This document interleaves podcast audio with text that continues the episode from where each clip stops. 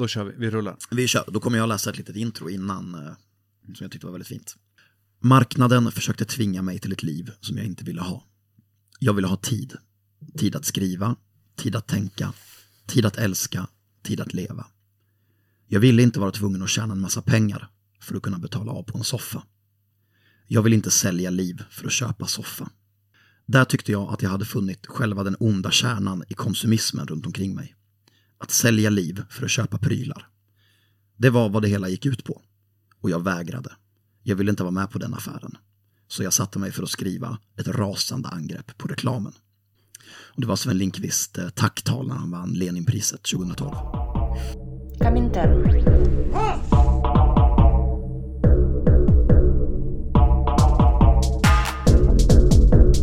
Berätta inte för mig om det svenska klassamhället.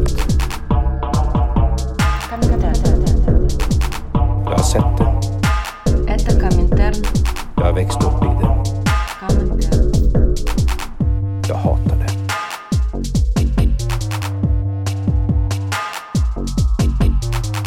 Это Коминтерн.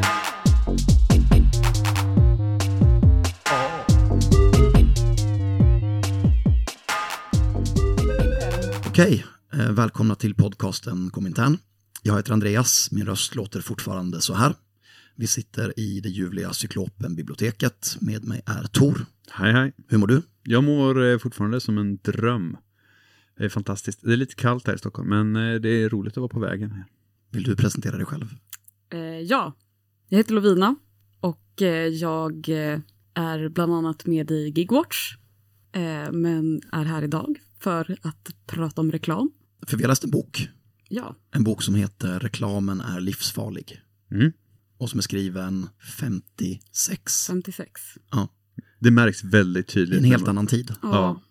Det känns, det, jag fick ett sån himla, det känns så, allt känns så gulligt och fint. Men jag vill bara säga att eh, jag visste ju inte att eh, Sven Lindqvist var samma Sven Lindqvist som eh, har skrivit eh, Utrota varenda jävel. Som är en sån fantastisk bok. Så nu känner jag mig lite starstruck inför liksom den här texten på något sätt. Och lite tryggare och lite mera hemma. Så det, ja, det, jag blev, fick en upplevelse här utanför för en liten stund sedan. Den skriven 56. Jag tror att den resulterade i att han fick sparken från Dagens Nyheter. ja, det fick han. Innan vi dyker in på djupet, vill någon av er ge en snabb en översiktsbild? Vad är det för bok? Det är ju en eh, liten pamflett kan man nästan säga, för den är typ 45 sidor. Eh, och den, dess underrubrik är ju en stridsskrift. Och eh, ja, men det är väl det det är. Den går verkligen till angrepp i liksom 50-talets Sverige mot eh, reklam och mot eh, konsumtion och liksom varor och sidor. Eller han har liksom läst eh, någon slags eh, pamflett för typ reklammän, som de kallades då. Eh, som han eh, liksom bryter ner eller liksom går till angrepp mot. Eh, och sen lyfter fram vad han tycker vore en bra lösning och det är att det skulle vara typ reglerat istället. Att vi behöver typ upplysning om varor men reklam det är liksom det är köpta åsikter så det är inte objektivt. Nej. Hur mycket reklam mötte han då tror ni? Jag, tänker, jag försöker sätta mig in i att det är så mitten på 50-talet, det är efterkrigstid och det är ekonomisk tillväxt och så här framtidsoptimism. Var ser Sven Lindqvist reklam? Dagstidningen, tror Ja, jag. dagstidningen är ju det han går eh, starkt emot med liksom reklamen där. Och sen så tänker jag att det känns som en så här 50-talsgrej, men kanske i USA med alltså sådana här längs vägen. Det tror jag kan vara en amerikansk eh, grej ganska mycket. Men eh, på, på ett sätt, han pratar ju om reklam i tunnelbanan. Att de börjar eh, typ spela reklammeddelanden i tunnelbanan. Just det. Och sen så såklart bara på, på stan tror jag. Men det går nog inte att jämföra med idag riktigt. Nej. Jag läste att vi snittar 20 000 reklammeddelanden per dygn ungefär. Är ett var fjärde sekund dygnet runt. Och så såg det nog inte riktigt ut. Nej, Nej det, det, Nej, det är väldigt gulligt att han är så här, vi har ju inte reklam på television och radio och att det finns i tidningar, det är bara en historisk hävd och den går att hävas. och, och det, han har ju naturligtvis helt rätt. Ja. Eller så här, även, alltså sen att reklam är ingen naturlag liksom. Det är ju någonting som finns och någonting som kan sluta finnas. Det är ju, inte, det är ju liksom inte märkligare än så. Jag har, eh, det här var något som jag tänkte på ganska mycket, men jag har vid olika tillfällen eh, levt eh, livet utan reklam. Hur då? Hur gör man då? Då antingen så går man till sjöss på en båt innan det fanns internet överallt. Innan det fanns, jag hade inte ens någon mobiltelefon då liksom. Så det var, eller jo det kanske jag hade, men jag hade ingen smartphone i alla fall. Och då när jag, då hade jag varit ute i tre veckor tror jag, vi var till havs. Och det var ju liksom ett, ett liv som var fullt av att arbeta med olika saker. Det var ju ganska lite liksom dödtid. Men eh, när jag kom tillbaks till hamn så blev jag så förbannat stressad över alla så här intryck. Liksom. Hela livet hade varit typ blått, grått, vitt och svart typ. I olika nyanser. Så här. Ja, men vi var till sjöss på södra halvklotet. Vi var inte liksom det, det fanns inte så jävla mycket färg liksom. Och sen kommer man in till en stad i Australien där man bombarderas med så här blinkningar och färg och reklammeddelanden hela tiden. Det blev en väldigt, väldigt stark eh, upplevelse av att så här, helvete vad mycket det är liksom. Och då eh, hade jag ju inte, som sagt, jag hade ingen, ingen telefon som så här spelade reklam för mig när jag lyssnade på podd eller liksom visade reklam för mig när jag gör något annat liksom. Eh, och sen så har jag också jobbat på ett eh, jordbruk i ett museum kanske man ska säga i Norge eh, under ett antal somrar. Och då var det liksom norsk landsbygd liksom och fjäll typ. Men det, båda är ju liksom på något sätt eh, typiska för ett väldigt så här, ålderdomligt liv liksom. Ja, du låter väldigt gammal. Eller liksom, det känns ju liksom som att man pratar om någon. Ja, ja, jag är äldst här tror jag i Ja. alla fall. Med råge. Ja. Men det kanske är den typen av fräscha ögon som man behöver, som Sven Lindqvist hade på reklam. Och som du fick när du kom tillbaka från ditt eh, norska bondmuseum. Ja, nej men det blir väldigt, väldigt, väldigt påtagligt om och man vänjer sig jättesnabbt igen. Det tog typ en timme, sen var jag tillbaka i att inte, att bara sålla bort alla de här intrycken. Men det var väldigt, väldigt starkt liksom i början. Jag tänker att när, när man upptäcker att så här, det blir mer och mer och mer reklam liksom, eh, så blir det väldigt tydligt. Här, fler, fler och fler ytor bara köps för att ge, det här, ge det här budskapet liksom.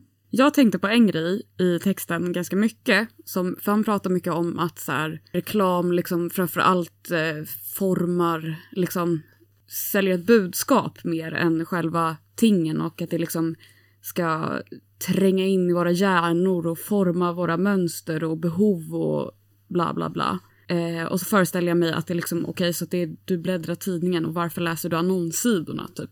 Nu när man är en eh, härdad reklamperson 2021. Att man vet att man bläddrar förbi dem. Men jag personligen har lite svårt att liksom tänka mig in i att jag blir så påverkad av reklam. Känner ni att ni blir påverkade av alltså, reklam? Att man vill tänka att man står över det lite grann. Ja, Ja, Att det inte biter på mig. Eh, Ja, det vill jag absolut tänka. Det är väl bara att alla studier säger motsatsen. men liksom hur påverkas man av reklam? För att jag kan liksom inte, jag hatar att köpa saker. Eh, och jag har aldrig liksom typ köpt någonting jag sett på en reklam. För att då känner jag mig lurad. Men jag tror inte att det handlar om reklam, eller så här, och jag vet inte om det är det här han menar, men, men reklamen, alltså jag köper ju inte heller bara, nu såg jag på, på typ tv att den här eh, stavmixen var bra, då köper jag den liksom. Så har jag, det är inte ett mönster som jag har, känner igen liksom. Men, men reklam liksom som en samlad propaganda för konsumism, det är ju någonting som jag, som jag känner igen och som jag kan, framförallt när jag känner mig lite nerbruten typ, då börjar jag fundera på så här, ja men jag kanske borde gå upp och jobba heltid egentligen och typ så att jag kan så här, skaffa nya kläder typ och bara, ja men eh, typ rusta upp min lägenhet lite och typ fixa och dona liksom. Och, och den känslan, eller så här att ja, men då kan jag resa iväg någonstans, så kan jag sitta på den här härliga, härliga stranden liksom och typ eh, umgås med min familj, mina barn som jag inte har liksom på någon vingsemester typ. Eh, att det är mer att när man pratar om att man säljer liksom en, eh, en idé om tinget än tinget själv, att man säljer ju en känsla som inte nödvändigtvis behöver gå ut på att jag köper precis den här grejen som, som man gör reklam för.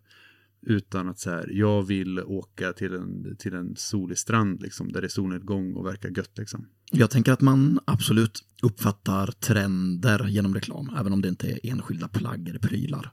Och om inte i första hand, så åtminstone då i andra hand genom att alla andra börjar bära prylar. Ja, men pr- precis. För där kände jag att jag ändå kunde liksom känna igen någonting. Typ att eh, reklamen liksom når mig alltså inte bara att jag liksom kommer i kontakt med den men att den liksom når mig på en liksom andrahandsväg. Typ att det är liksom att, att typ folk i typ ens flöde på sociala medier liksom lägger upp på en solsemester. Det är ju som att det är väl liksom lite som att göra reklam för att åka på solsemester eller whatever och det är ju jättetrevligt att åka på solsemester. Eller typ att så här, ah, nu pratar alla väldigt gott om eh, Mocca Master och det är så gott.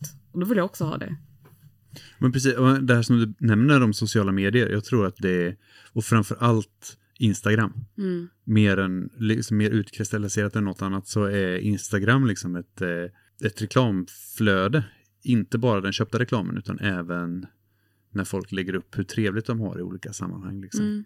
Att det blir lite på samma sätt, att man ser bilder som man har som är helt känslomässigt, man kan projicera känslomässigt hur man vill på dem. Okej, nu låter jag som att jag är hundratusen år gammal, men, och det är jag ju också, men när man börjar eh, lägga på musik för att kunna skapa en känsla så man inte bara har liksom det visuella intrycket utan också det, liksom, det intrycket man hör. Då tror jag att det kommer bli ännu mer. Och man vill ju, eller så här, folk, många, okej, men alltså väldigt många vill ju också lägga ut att ens liv verkar rätt gött. Mm. Och det, Instagram uppmanar ju till det här hela tiden, liksom, som plattform typ. Då, då får man se liksom, bilder och uttryck som är helt ifrånkopplade från ens egen stress och oro och tristess och att man kanske är lite hungrig när man sitter där egentligen och man typ behöver gå på toaletten. Men det enda jag ser är att någon är så här, eller man har typ blivit myggbiten en massa, men det enda jag ser är att någon är ute och paddlar på typ en, en flod i någonstans där det är varmt och gött liksom. Och då kan jag bara projicera på så här, bara trevliga associationer och sen så vill jag också åka och paddla någonstans. Mm. Det också kan bli uppäten av mygg och typ ha någon så här jobbig tropisk sjukdom och egentligen vara svinmagsjuk typ. Och Jag tänkte också mycket i den här eh, texten, har ni sett den här konstfilmen Surplus som kom för ett gäng år sedan? Nej. Eh, ja, Okej. Beans and Rice. Ja, precis, precis den. En svensk dokumentärfilm, eller hur? Erik. Ja, någonting. Alltså kalla det för en dokumentär är ju, är ju en väldigt... Ja, det är en konstfilm. Det är, en konst, det är ett konstverk liksom. Och då pratar de ju väldigt mycket om reklam och konsumism liksom. Men den kom liksom i början på 2000-talet innan det här hade liksom gått så jävla långt. Att de pratar liksom om konsumismen som en kraft, en väldigt stark så, samlande kraft i samhället. Jag minns inte exakt vad det var jag ville komma med det här, men jag ville i alla fall... Det var en, en film som dök upp väldigt mycket för mig när jag läste den här texten. Jag läste en undersökning om eh, reklam och tillväxt. Alltså hur väl fungerar reklamen? Och då enligt en undersökning kan företag som eh, kan visa något större syfte än försäljning, eh, de säljer mycket mer. Det var exemplet som togs upp var, med- kommer du ihåg klädmärket Patagonia, deras kampanj Don't buy this jacket. Nej. Här stora reklampelare överallt och så var, det stod det istället så reuse eh, och så vidare. Man skulle köpa begagnat eller återanvända, köp inte den här jackan. Och den sålde 30% bättre än någon jacka har gjort innan.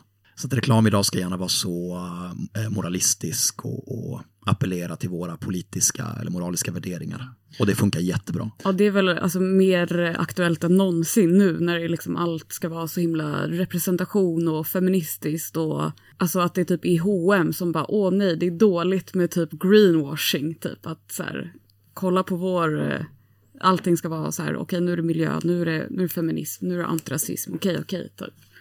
Och bara, vi har det här certifikatet som vi själva har hittat på, Ja. som vi nu kan sätta på alla våra kläder utan att det betyder Ja. någonting. Liksom. Jag tänker också på när eh, olika allt höger eh, killar i USA fick stora flippen och började bränna sina Adidas-skor eller Nike-skor eh, för att de hade eh, Kaepernick på som reklam, eh, han som vägrade, eller han som knäböjde under eh, Mm. nationalsången. Så han fick vara liksom deras så, eh, politiskt korrekta alibi typ. Och då fick, eh, då fick så Twitter-nazisterna flippen och började eh, lägga ut massa bilder där de typ försökte elda upp sina skor i grillen typ. På sina föräldrars, på sina föräldrars balkong eller så veranda. Det var ganska roligt. Men först när jag läste den här texten då förstod jag ju inte att, den- eller så här, jag visste inte att den var skriven på 50-talet. Eh, För att jag liksom inte såg det på första sidan. Men, eh, så jag bara, fan vad konstigt. Vad vad, alltså så här, det här är Väldigt naivt och gulligt. extremt naivt och gulligt. Och man bara så här, jaha, nu kommer de börja spela upp reklam i tunnelbanan så man inte ens kan blunda längre. Och man bara, det är väl ingen som gör det. Alltså, alla sitter väl och tittar på sin telefon och får reklamen den vägen. Eller så här, det, det tog ett litet tag för mig att liksom förstå kontexten. Nu lämnar jag boken lite igen, men kommer ni ihåg det här försäkringsbolaget Hedvig som började Ja. annonsera hemma hos folk? Ja, Med Zoom. ja. Exakt, man kunde få lite, lite betalt för att ha en reklamplansch hemma bakom sig när man satt i videosamtal under pandemin. Ja, det är mer den sortens reklam som jag känner igen från liksom, samtiden än, än Verkligen. 1956. Alltså den eh, reklamen som kanske främst når mig, utöver den här liksom andrahandsgrejen på Instagram, eller som liksom också typ påverkar mycket ja, men typ i mitt yrkesliv, eller jag jobbar ju som eh, musiker till och från. Och eh, det är ju att det är så många liksom, företag som vill så här, satsa på cool musik och liksom bygga subkulturer och så kommer typ Red Bull Music kommer och liksom shit vi arrangerar låtskrivarcamps och vi arrangerar spelningar och det är liksom eh, eller liksom hela Way Out West som eh, reklamjippo. Liksom, och att det, de får liksom alltid någon slags goodwill-grej genom att det så här bara är sponsrat hela tiden och allting är liksom sponsrat och det, de bjuder på någonting och, eh, och de liksom villkorar hela kulturen och konsten. Och ibland så känns det som att man är den enda som inte tycker om det. Och sen så kommer eh, så Oatly och delar ut eh, så gratis chokladmjölk på Way Out West och så kommer GT och, och säljer hamburgare utanför och så, så gör alla sig en hacka på att de eh, syns en massa liksom ri- riktat till olika, olika nivåer och wokeness liksom. Sellout-debatten är helt död va? Den är så jävla död och det tycker jag är väldigt eh, tråkigt. Eh, och jag kan själv erkänna en kanske skuld i det i eh, tidigare verkningar i mitt liv. Du har sålt ut. Ja, jag har gjort jättestora reklamkampanjer.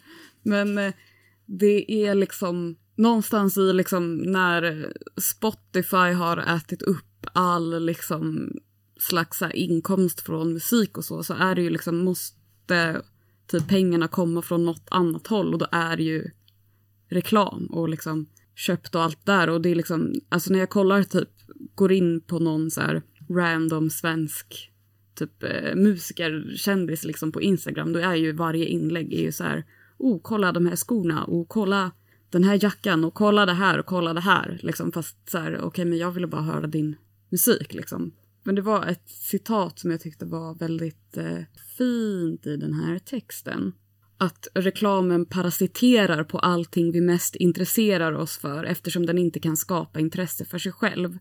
Ingen vill gå på bio för att se reklamfilmen, alla blir påtvingade reklamfilm för att få se den riktiga filmen. Ingen vill läsa reklamtryck men annonsörerna köper plats i tidningen vi vill läsa. Detta snyllt liv på människors intresse för andra saker är reklamens livsvillkor. Ja, det är kärnfullt formulerat och det är helt sant också. Verkligen. Om man inte är reklamare. Det finns ju ändå en subkultur av människor som arbetar med och tycker att reklam är jätte, jätteviktigt. Nej men det är det också så här, alltså jag, åh, alltså jag får panik typ. För det är liksom, den äter liksom hela reklambranschen som liksom omsätter hur mycket pengar som helst. Den så här, äter upp så mycket konst. Att det liksom är, för det är typ där det finns pengar att tjäna. Och sen så är det som att så här, folk liksom identifierar sig med att så här, jag är grafisk designer för reklam typ. Eller jag är eh, filmregissör och gör bara reklam typ. Och då, och då tänkte jag att det här var något väldigt nytt.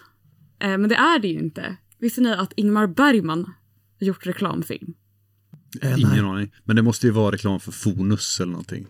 Ja, Eh, I don't, I don't fucking know back in the days. Men jag hörde om det på radion i alla fall. Att det är liksom, det är inget nytt liksom med att använda så här, konstnärer som liksom ska göra en så här ofin bild. Men så här, det är egentligen reklam typ. Jag läste en journalistutbildning för några år sedan vilket, äh, på folkhögskola. Vilket faktiskt gör mig till journalist på riktigt.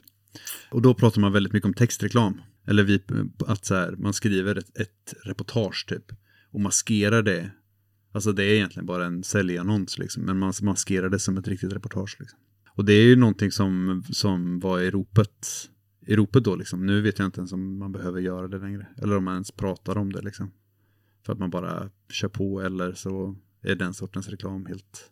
För att det är så produkt, produktplacerat överallt hela tiden. Ja men precis. Nu, eh, det är tur för Sven Lindqvist att han är död nu sedan två år tillbaka. För nu, från och med årsskiftet så tas den sista skatten på reklam bort också. Va? Det är nu fortfarande så är det 2,5% skatt på annonsering. Men den What? försvinner nu. Den har sänkts kraftigt år för år tills den nu ska slopas helt. Jag undrar hur det kommer bli för mig när jag blir gammal. Kommer jag bli, kommer jag vara lika, kommer folk också känna att så här, ja det var ju, det var ju tur för Tor att han dog innan det här hände, eller typ, det här hände. Det var så här, när jag är så här 100 år gammal, äh, ytterligare 100 år gammal då, och inte, och att det är någonting som jag skulle ha ogillat liksom. Han är ju en del på reklamens etik, eh, Sven. Och, så, och den är ju såklart skenhelig. Eh, vet ni vilka lagar som reklamen måste följa i Sverige? Har ni någon koll på någon? Eller får man göra reklam hur som helst? Jag tror man måste följa lagen om hets mot folkgrupp. Ja, och sen så, den får inte vara sexistisk längre. För det ble- blev, var det ju stor debatt om. Mm. Är det någon som har dömts för? Ja, det finns ju, det, eller det fanns någon så feministisk Facebook-sida eller någonting som hette något. Ja, jag kommer inte ihåg vad den hette, men liksom någon slags så här, ingen sexistisk reklam eller whatever. Och de lägger alltid upp typ så här, nu har vi fällt den här bla bla bla i vad det nu är för. Bra, det finns motståndsfickor fortfarande. Ja, Eh, Många regler verkar gälla barn. Eh, I tv och radio så är det 12-årsgräns. Man får inte annonsera för någon som är yngre än 12 i tv eller radio i Sverige. Man får inte göra reklamutskick med post till någon som är under 16.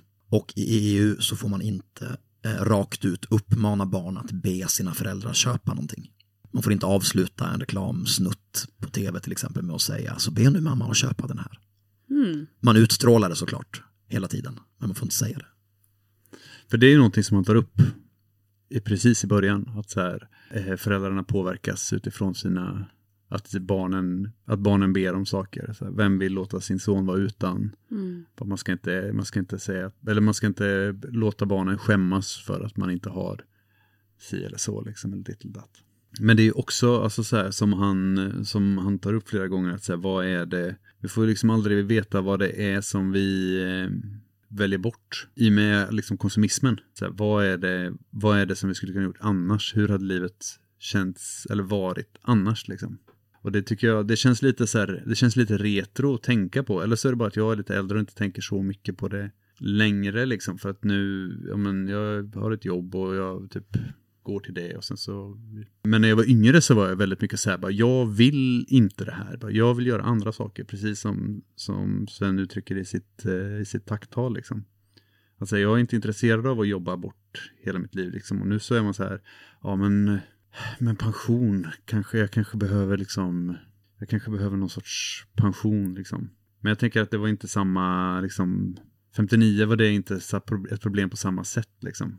nej då fanns det också ett välfärdssystem. Precis. Och även om jag skulle kunna leva som en skitig punkare idag liksom när jag, eh, när jag är 36 så är det ju svårare att göra det när man är 75. Och typ har så reumatism och starr typ och nå, typ fyra blodtrycksmediciner som man behöver äta liksom. Men jag upplever också att det är en diskussion som lite har försvunnit från, från vänstern liksom. Att säga, vad skulle vi vilja göra istället? Och det är ju alltså så här, det är ju på något sätt viktigt att, eh, att eh, arbete är fokus liksom och så här, ja men klassens eh, möjligheter och klassens liksom eh, situation. Men jag tror att också ibland man behöver backa och vara så här, men hur skulle jag, vad skulle jag vilja göra om jag inte, om jag bara inte gick med på det här arbete-konsumtionsmönstret liksom. Hur hade jag, vad hade jag gjort då? Hur hade jag kunnat, hur hade jag kunnat leva då liksom? Apropå arbete och reklam. Läste ni den här DN-artikeln som kom eh, om influencers? Vilken av dem? Ja, eh, den hade rubriken En klassfråga vem som blir framgångsrik influencer. Men snälla. Den kom 16 september. Åh, nej, jag har missat. Jag bara suckar åt rubriken. Jag läser lite före då Lovina. Det är ett allvarligt problem. Den 16 januari i år satte sig Klara Lindström, mer känd under sitt blogg alias Underbara Klara, vid tangentbordet för att skriva ett inlägg om hur influerarvärlden har förändrats. Hon tänker på att hon själv har fått allt mer privilegier samtidigt som hon noterat hur många andra influerare eh, på kort tid har gått från att leva hyfsat relaterbara liv till att verka i en ouppnåelig hägring av dyra middagar, långväga resor och lyxigt mode. Och det blottlägger en klasskillnad, säger hon. Många av dagens stora influencers kommer från övre medelklass eller överklass. De har rika föräldrar och ett starkt kulturellt kapital i ryggen. Kraven och förväntningarna på innehåll i sociala medier är skyhöga. Och om du kan leverera ett sånt innehåll till följarna från första stund så kommer du att korta ner din startsträcka. True words. Ja. Vad Klara inte skriver är att det här är ju inte ett riktigt jobb. Det är ju inte ett jobb som någon borde ha. Nej, det är ju, Nej, Men det är ju svårt att säga att ens eget jobb är ett, ett hittepå liksom. Då känner man sig lite meningslös kan jag tänka mig. och jag säger det hela tiden. Jaha. på jobbet. Nej men alltså typ så här när jag jobbar med musik så tycker jag att det verkligen är ett hittepåjobb och eh, låtsas, för det är ju det. Eller liksom, jag vet inte om jag egentligen tycker det är rimligt typ att någon ska så här, kunna försörja sig på sin musik typ. Men eh, jag jobbar ju, sen så brukar jag liksom trösta mig med, jag jobbar ju inte med reklam. Folk gillar ändå att lyssna på musik. Ja, det gör de. Och jag tänker att, att ett jobb som är att sälja produkter till ungdomar i sociala medier, det är så förkastligt att Jag jag tycker, inte var jag ska börja ens. alltså jag tänker ändå att, att eh, spela musik är väl ändå en sysselsättning som är äldre än nästan alla andra arbeten. Världens äldsta yrke som jag brukar säga. Ja, musiker, precis. Ja, nej, alltså att vara, alltså, att vara influencer är ju ett... eh, Men det är ju också bara ett, det är ju också bara en omskrivning för att säga att man jobbar med reklam. Det är ju... Man är reklam. Ja, men ja, är- precis. Och jag gillar inte alla de här eufemismerna. Och jag vet inte om det är liksom så här, bara för att jag är liksom så här aspig typ och det blir för mycket så här dubbla budskap. Men det är liksom allt med reklam handlar ju liksom om någon slags så här skådespel och liksom saker som är på låtsas. Och det är det hela den här, alltså jag kan typ inte ens, jag, det känns som att jag inte riktigt kan ta typ ordet influencer liksom i min mun typ. För att det, det är fel, eller liksom det, det jag kan typ säga vandrande reklampelare. Det känns lite bättre typ. Men då kanske ingen förstår direkt vad jag menar. Nej, jag tror att de, vissa av dem som inte tycker om ordet säger själva att de jobbar med sociala medier. Jag ska börja spotta efter. Influencer. Tweet! Ska vi återvända till boken hörni? Ja. Har någon av er mer bokspaning? Ja, jag har jättemånga spaningar. Shoot. Men eh, en, en grej som jag tyckte var rolig, är en, för mig så känns så här lite retro-vänstergrej är hur mycket jag hatar USA och det, det hatet växer för varje dag. Och han pratade om en eh, ganska intressant, eh, alltså han är ju så rolig också så jag måste nästan hitta citatet. Sven hatade också USA. Han hatar verkligen USA. Han pratar om en slags eh, standardiseringseffekt från USA för att liksom all... Det är ju samma reklam överallt. Och liksom först pratar han om det som liksom en regional standardiseringseffekt och så får vi återigen tänka på att det här är 50-talet. Att det liksom är i Sverige då så är det liksom, då kommer samma reklam överallt och liksom man sprider liksom samma kultur, kultur inom citationstecken liksom till hela landet. Men så pratar han även om den här liksom från USA, att det är liksom en reklam som produceras där kommer ju liksom också sändas överallt och helt plötsligt så liksom amerikaniseras vår kultur. Ah, så det är kulturimperialism Ja. genom reklam. Ja, Ja. intressant. Men det är väl också, alltså, så också helt sant. Jag vet inte. Eller Sven kanske var sur på att det bara fanns liksom Sibylla kiosker typ. Där man kunde köpa sin, sin hamburgare. Var mot den standardiseringen av... Ja men om han var emot en, liksom, en regional standardisering då kan jag tänka mig att han var så, ja men varför finns det inte olika liksom? Vad är, vad är problemet? Varför kan inte, varför den här franchise-grejen? Vad fan är upp med det liksom? Ja, men det känns ju det. Han skriver eh, att eh, reklamen hör till stormtrupperna i den amerikanska kulturockupationen av vårt land. Jag är ändå för alltså. Jag är för, är för Sven. ja, men alltså jag med. Jag, Men nu är det ju väldigt, alltså så här, nu, det finns ju, man pratar, jag tycker det här är så roligt när typ, eh, alltså kapitalismen, eller kapitalisterna hela tiden pratar om så här, om valfrihet liksom. Och, så, och sen så blir liksom, alltså den, det är ju så uppen, det här känns som världens öppnaste dörr som jag sparkar in nu, men det är ju liksom, det är så extremt uppenbart att valfriheten finns inte. Det är liksom, alltså valfrihet under kapitalism existerar inte alls liksom.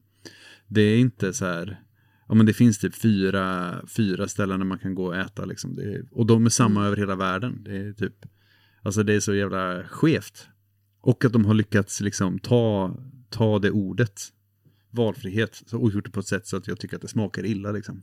ja, Vi stannade ju tyvärr på McDonalds igår på vägen upp hit. Mm. Eh, och då hävdade Gaspar att innan muren föll så fanns det majonnäs på alla hamburgerrestauranger i östblocket. Det är alltså beviset på att eh, kapitalet krossar valfriheten. det här med öppna dörrar. Alltså det, det är svårt att liksom bilda så här långa nya takes. Eh, för att han har rätt hela tiden.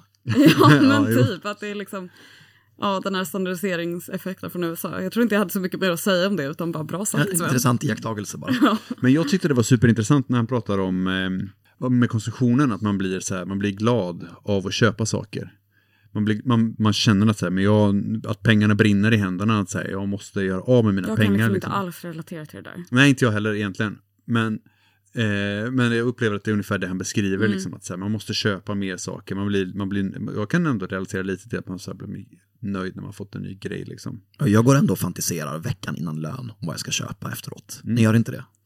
Men det jag tror att det är liksom för att mitt köputrymme är räcker till hyran och hoppas att jag har råd med mat. Och sen så ibland så får jag lite extra pengar och då kan jag äntligen köpa en synt. Ja, alltså våra, olika, våra drömmar ser ju olika ut. Jag drömmer ju ofta om att köpa en väldigt dyr ost till exempel. Ja. Det gör ju inte Tor. Nej, det, det gör jag inte. Nej, jag hade älskat att köpa dyra ostar. Men den, den drömmen har jag bara gett upp för att jag inte vill eh, sälja mitt liv så himla mycket. Jag vill ha ny campingutrustning. Men, eh, men, och då pratar han ju om så här, men så här, vi drömmer om att få göra av med våra pengar liksom. Men, bar, men aldrig på saker som är, eh, som är återkommande utgifter. Jag har skrivit att hyran har ju inte alls samma skimmer Nej, av precis. när man sp- spenderar pengar. Och han pratar om skatt. Just det. Om, man pratar, om, man tittar om, om man tittar på vad man får för skatten så är ju det väl, och framförallt kanske på 50-talet, så väl investerade pengar. En, o, en omöjligt att slå den investeringen. Ja, ja, svinbra investering. Men man tycker det, det är ändå massa så här olika skattekverulanter som går runt och gnäller på att skatten är för hög hela tiden. Därför att man saknar valfriheten, eller skenet av valfrihet. Ja, men man saknar liksom den här, eh, som han beskrev det, liksom typ stadens varudramatik. Typ. Att det är liksom, han skriver ju att så här, men om man skulle stoppa alla de här grejerna som man får för skatten i ett skyltfönster och dekorera det med neonljus, då skulle alla tycka, fan vad bra grej. Jag, tyck, men jag tycker det är liksom, man vill inte konsumera för att leva liksom. Jag tycker också det var roligt när han pratar om livet på landet. Att så här, ja men på landet köper man typ, man behöver en yxa, man behöver en spade, man behöver en såg. Typ. Och sen så kostar det svin mycket för att det finns alltid mataffären är så jävla dyrt. Typ. Och när jag läste det här så var jag fortfarande i, då, då var jag fortfarande liksom i att den här texten är skriven på 10-talet i alla fall. alltså att den, att den är skriven efter, efter millennieskiftet, eller efter 2010. Och så, ja nej men folk som, folk som liksom vill flytta ut på landet så här, de, eh, vad är det så himla mysigt egentligen? Alltså, tycker de att det är så himla härligt som de, som de typ eh, gör sken av i olika så tv-program som Hjälp, vi har köpt en bondgård eller typ olika så lantis, eh, lantis eh, instagrammare liksom som tar bilder på sina höns och sina barn och eh, någon sjö typ. Men att det egentligen är så här, han pratar om att så här, det är ensamt och dyrt typ att bo på landet. Det är en väldigt arg bok, är det. Den är skriven i stor vrede. Eh, vad ger ni för de avslutande kraven? Nu har inte jag dem framför mig såklart, men vi slutar ändå med kravlista. Nej men det var inget jag gulmarkerade i texten, det kändes väldigt eh, passé. Ja, och det bleknade väldigt i jämförelse till den här rasande skriften. Ja, tycker jag. Det var ganska vänliga reformistiska krav. Ja, det var inte så här, kra- alltså för innan så skriver han ju vi måste stoppa reklamen för den kommer inte stoppa sig själv och liksom och sen så var det liksom slutkraven var typ så här vi måste ha, reglera så att det är konsumentupplysning och höja skatten på reklam typ och det kändes inte alls så himla fett. Alla tidningsredaktioner skulle behöva ta redaktionellt ansvar för all reklam, tyckte han också. Ja. Allt som står i tidningen räknas, så det betyder att eh, DN måste ställa sig svars för varje reklamannons också. Det är ett lite mesigt krav jämfört med förbjuden helt. Ja, eller bara uppmana folk att gå ut och bara gräva upp reklam, eh, bara slita ner eh, affischerna, bara gräva upp eh, billboards typ. Kör så, Monkey Wrench Gang över hela skiten, bara åk på turnéer och bara såga ner olika reklampelare från. Och skjut en reklamman. Precis. Det här var, jag minns eh, när jag var en, en, en ung gentleman. Och det hade varit storm i Linköping. Det kan ha varit Gudrun till och med. Alltså stormen Gudrun. Och då hade reklam, eh, skylt, vissa reklamskyltar inne i stan hade blåst ner. Det var de, de här, tror inte ens de finns längre, de här trekantiga, trekantiga reklamskyltar med liksom affischer på, liksom, eller reklamaffischer. Då hade de, då, de, de var helt still. De var helt, helt stillastående 2D-reklam bara. Precis, precis. Det var tre sidor, en liten byggnad som man klistrar upp affischer på. Det var inget som blinkade, det var inget som rörde sig. Det var liksom inget det som finns det fortfarande. Gör det det? Ja. Då kanske de bara, jag, jag kanske är så liksom alienerad från det här i min vardag att jag bara inte ser dem längre utan att det här eh, liksom eh, reklambudskapet bara absorberas genom huden på mig. Men då gick jag runt in i stan och, och riktigt mös. Jag hade ett sånt himla mys över att de hade blåst ner och tyckte det var så himla härligt. Samma sak när folk hade liksom eh, slagit sönder reklamaffischer eller så. Eller klottrat ner dem. Jag har alltid tyckt att det har Ja, varit det en är sån. väldigt härligt. Jag minns att vi gjorde, eller liksom att Planka gjorde en hel del aktioner med att så här, eh, vända på all reklam på tunnelbanan och liksom göra så här konst på, på andra sidan. Och det var ju jättefint. Men eh, det är, jag tänker liksom att folk kan liksom inte föreställa, eller för att då typ minns jag liksom att folk typ passagerare på tunnelbanan blev så här, va, vad gör ni? Man får inte förstöra reklamen typ. För att folk kan liksom inte föreställa sig någonting annat typ. Eller liksom tycker att ja, det är klart att om man har köpt sitt utrymme då har man gjort rätt för sig liksom. Mm. Men sen så är det ju liksom, konceptet är ju så här, men vadå, jag har ju inte råd att köpa det där utrymmet liksom. Men det är så självklart liksom att det, alltså nu känns det som att säga, ja visst vi alla i någon slags vänsterhåll typ så här, det, man bara åh nej, bureklam typ. Men även hur det liksom är, det är ju ändå en sån här grundsten liksom i kapitalismen liksom. Det, för att varför skulle annars folk konsumera liksom så mycket? Eller liksom varför, vad bottnar sig liksom allt i? Och det är ju reklamen och den är överallt och vi bara liksom accepterar den. Och det går nog inte att inte göra reklam, eller hur? Det blir någon slags ond spiral. Alltså som ny producent av, jag vet inte vad, tvättmaskiner. Nej, gud. Kan du inte vara den enda som inte gör reklam? Nej, det finns ju inte en möjlighet. Men jag tycker det är, det är fint det här med att så här, som reklamen, para, alltså så här, det blir så tydligt att så här, reklamen parasiterar på, vår, på våra intressen. Eller vad, vi, vad, vi, våra, ja, vad vi vill och vad vi fascineras av. Liksom. På samma sätt så parasiterar, ju kapitalismen på våra liv. Det, man kan inte ha det ena utan det andra. Liksom. Ja, och att den, eh, han uttryckte det ganska bra tyckte jag om att det liksom våra liksom mänskliga behov åsidosätts för skapade begär liksom som vi får av reklamen till exempel och att så här hela vår relation till typ varor och ting typ. Och det var, tyckte jag var lite intressant för det blir väl ändå som någon liksom så här gammal marxistisk take liksom i att analysera varan typ och liksom dess bruksvärde. Att det är så här vi vill hellre liksom köpa nytt och reklamen måste liksom för att varorna är helt enkelt inte så bra. Så då måste det liksom man måste sälja någonting annat. Vi måste liksom bli övertygas om att de är helt okej och att det är liksom Idén om varan. exakt Jag kan inte släppa tanken på eh, Guy Debord och skådespelsamhället i, i samband med det här också. mm. Att så här, när han, för han pratar ganska mycket på samma sätt om, om skådes, alltså varans eh, liksom skådespel och så. Liksom. Att idén om, och jag tycker det är så himla tydligt när man pratar om social media, att så här, bilden av någonting är mycket viktigare för oss än, eh, än eh, själva upplevelsen. Liksom. Här är också någon som, det var tur för honom att han dog. Fire Festival Ja men precis. Ja men så här, det, var, det var tur för Greedy Board att han dog innan, innan Instagram. Då hade han Ja. fått, eller så kanske han bara älskat det och tyckte att det var great. Men vad kostar reklam? Alltså det måste vara en, det är en enorm intäktskälla för tryck, alltså tryckpress, tidningar, eller hur? Ja, det är väl det det går runt på. Och liksom även musik och kultur och och jag vet inte, alla liksom plattformar där vi interagerar. Alltså, de drivs ju av, av reklam där vår data säljs. Mm. Eh, Men hur mycket får till exempel SL in på reklam, på annons? faktiskt skitlite tror jag. Alltså det är inte så mycket. Det är en jättedålig affär i så fall. Då borde vi inte ja, ha men jag tror reklam att i Planke skriver kollektivtrafiken. mycket om att det är liksom en ganska dålig affär. Det står för, alltså, okej nu kommer jag bara höfta med någon siffra, men det är kanske så här 5-10 procent liksom. För det mesta är ju skatte, eh, skattefinansierat. Och sen så är liksom reklamen en liten, liten del bara. Eh, som man liksom med en så här minimal liksom, skattehöjning skulle kunna bara ta bort. Men det är typ nästan som att det är så här idén av att det är klart att det ska finnas reklam liksom.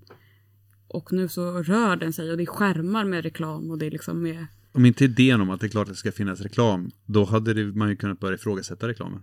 Mm. Och, då, och, och, och då kan ju vad som helst hända, då kan det ju bli jättetokigt. Då skulle nästan alla vara emot, tror jag. Ja, precis. Och Ja, hur det- hade det sett ut? Ja, de hade, han hade ju läst någon slags undersökning av typ så här folks inställning till reklam. Och eh, på 50-talet då så tyckte ändå ganska många att det typ var bra. Typ för att det var liksom så de fick typ konsumentupplysning liksom av så här okej men vilken tvättmaskin finns på marknaden och vilken är bäst typ. De som var negativa hade lite olika argument för varför de tyckte det. Och den, eh, min favorit eh, var att han, eller den tyckte att det blir för mycket tjafs. Det är också helt sant. Det är så jävla sant. Det är så en, en eh, det känns som att jag på den här resan har pratat ganska mycket om olika ganska dåliga filmer, eftersom jag mest kollar på dåliga filmer, men ganska dåliga filmer som jag har sett som jag har liksom snappat upp typ bara små, små delar av. Det finns en gammal film som heter The Invention of Lying som är någon sorts eh, idé om att eh, i en parallell verklighet kan människor inte ljuga. Och sen så är Ricky Gervais som är den första som lär sig att ljuga. Det är mest i det här sammanhanget betyder att alla är väldigt elaka mot varandra för att alla måste säga, det är aldrig någon som säger något snällt för att det är ju en lögn. Typ. Det är jävligt störigt oavsett. Men då, reklamen i den här är fantastisk. Eftersom att den inte kan vara en lögn. Så, eh, så då så eh, är det någon som står och ska göra reklam för typ Cola eller Pepsi och bara Vi vill att ni ska köpa den här grejen. Eh, vi är ganska säkra på att ni har druckit det förut. Vi har inte gjort någonting med receptet. Så vi har liksom, kan inte säga så mycket om det. Och sen så smakar den på den och bara ah, det är lite väl sött alltså. Eh, och det sätter väldigt mycket fingret på att det är en lögn. Det bygger ju bara på att det, det, det är bara en lögn liksom. Mm. Mer, ibland mer fantastisk än, eh, eh, än annars liksom. En del reklam är väl, försöker väl förhålla sig liksom till verkligheten på något sätt. Och sen så är det så här att det kommer eh, alltså typ arga utomjordingar som ska invadera jorden och sen upptäcker de Netflix och då så avstyr de sin, sin onda plan liksom. Det, då är man ju så väldigt inne på att det är en idé liksom som man säger som inte har någonting med verkligheten att göra överhuvudtaget. Ja, och reklamen vill ju inte heller vara reklam. Den vill ju, eller som typ med som Red Bull Music vill inte vara liksom en annons i, i reklampausen utan de vill vara liksom plattformen där det skapas liksom.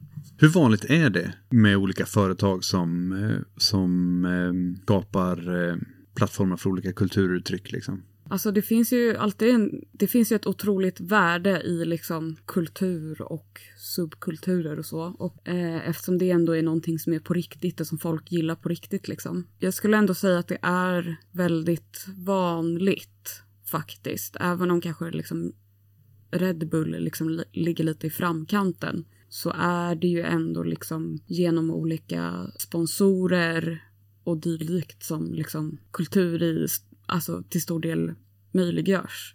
Vilket är, känns väldigt ohållbart.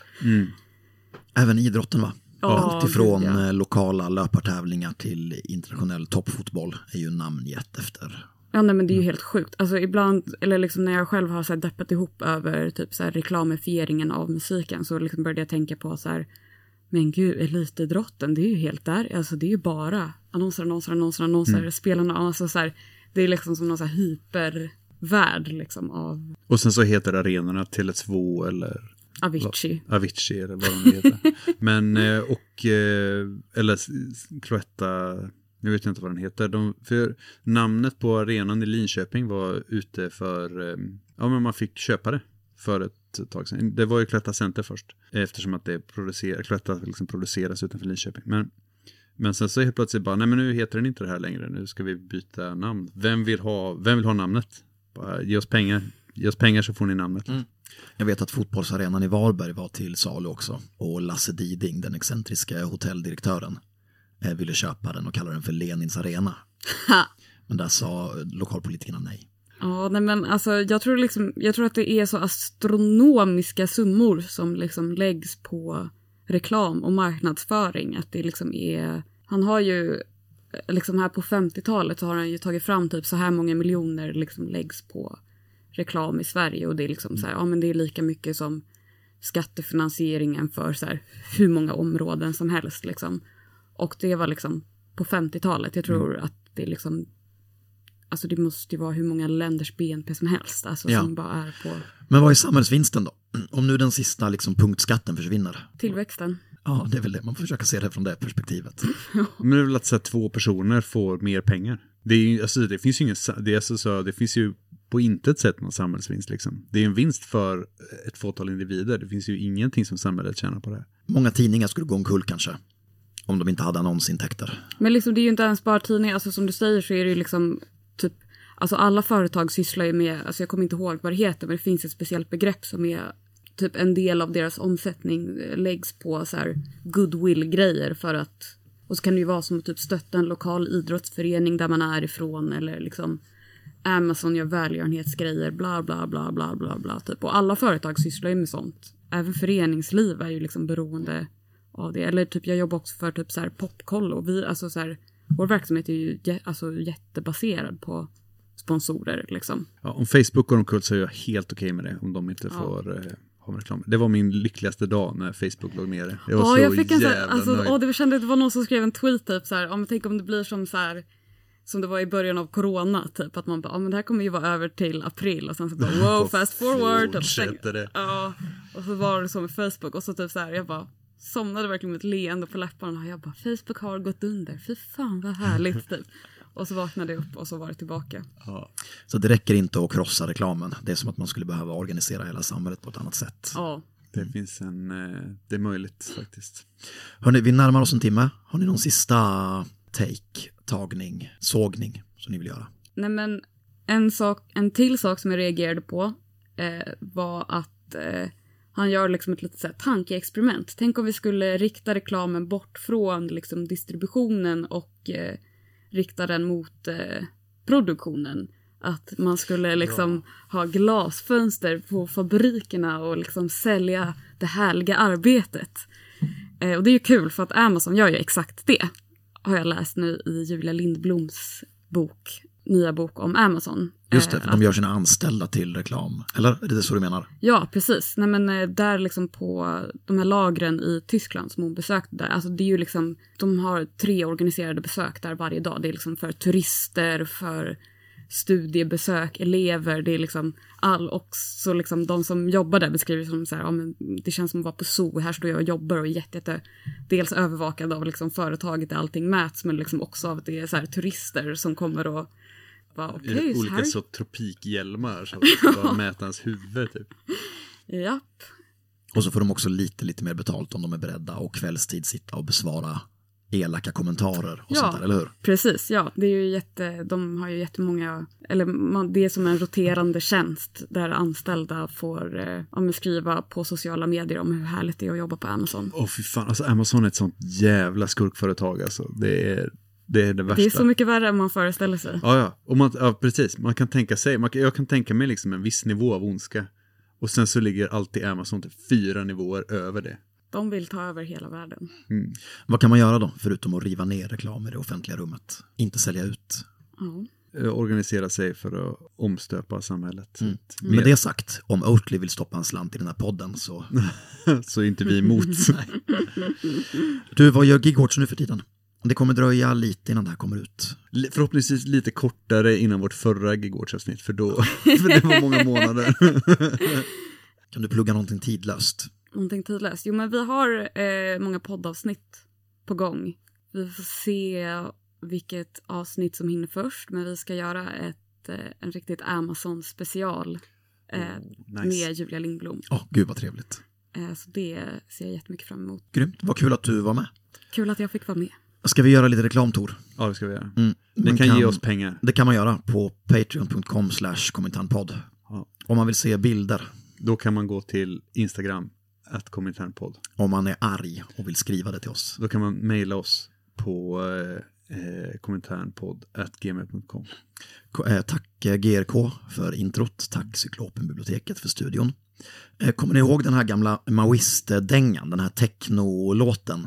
The Hate America Beat. Nej, Nej, vi går ut på den nu i alla fall. Den som eh, klipper får, får YouTubea fram det. gött. Fett. Hej hej! Hej hej! Hating America is a good thing. When you hate America, you're in good company. You're on the side of the world's oppressed majority. So by all means, hate America. It's the right thing to do.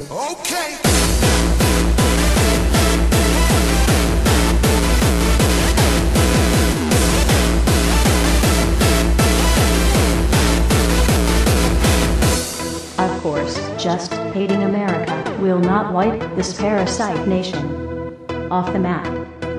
But it's definitely a step in the right direction.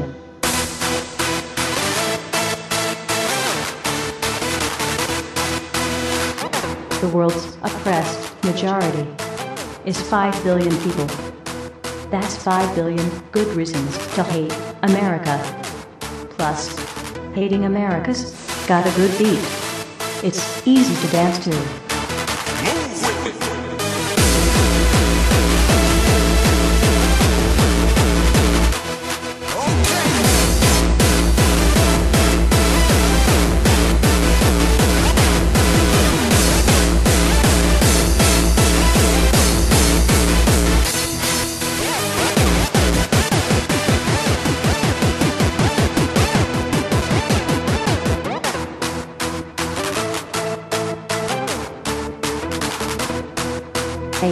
America.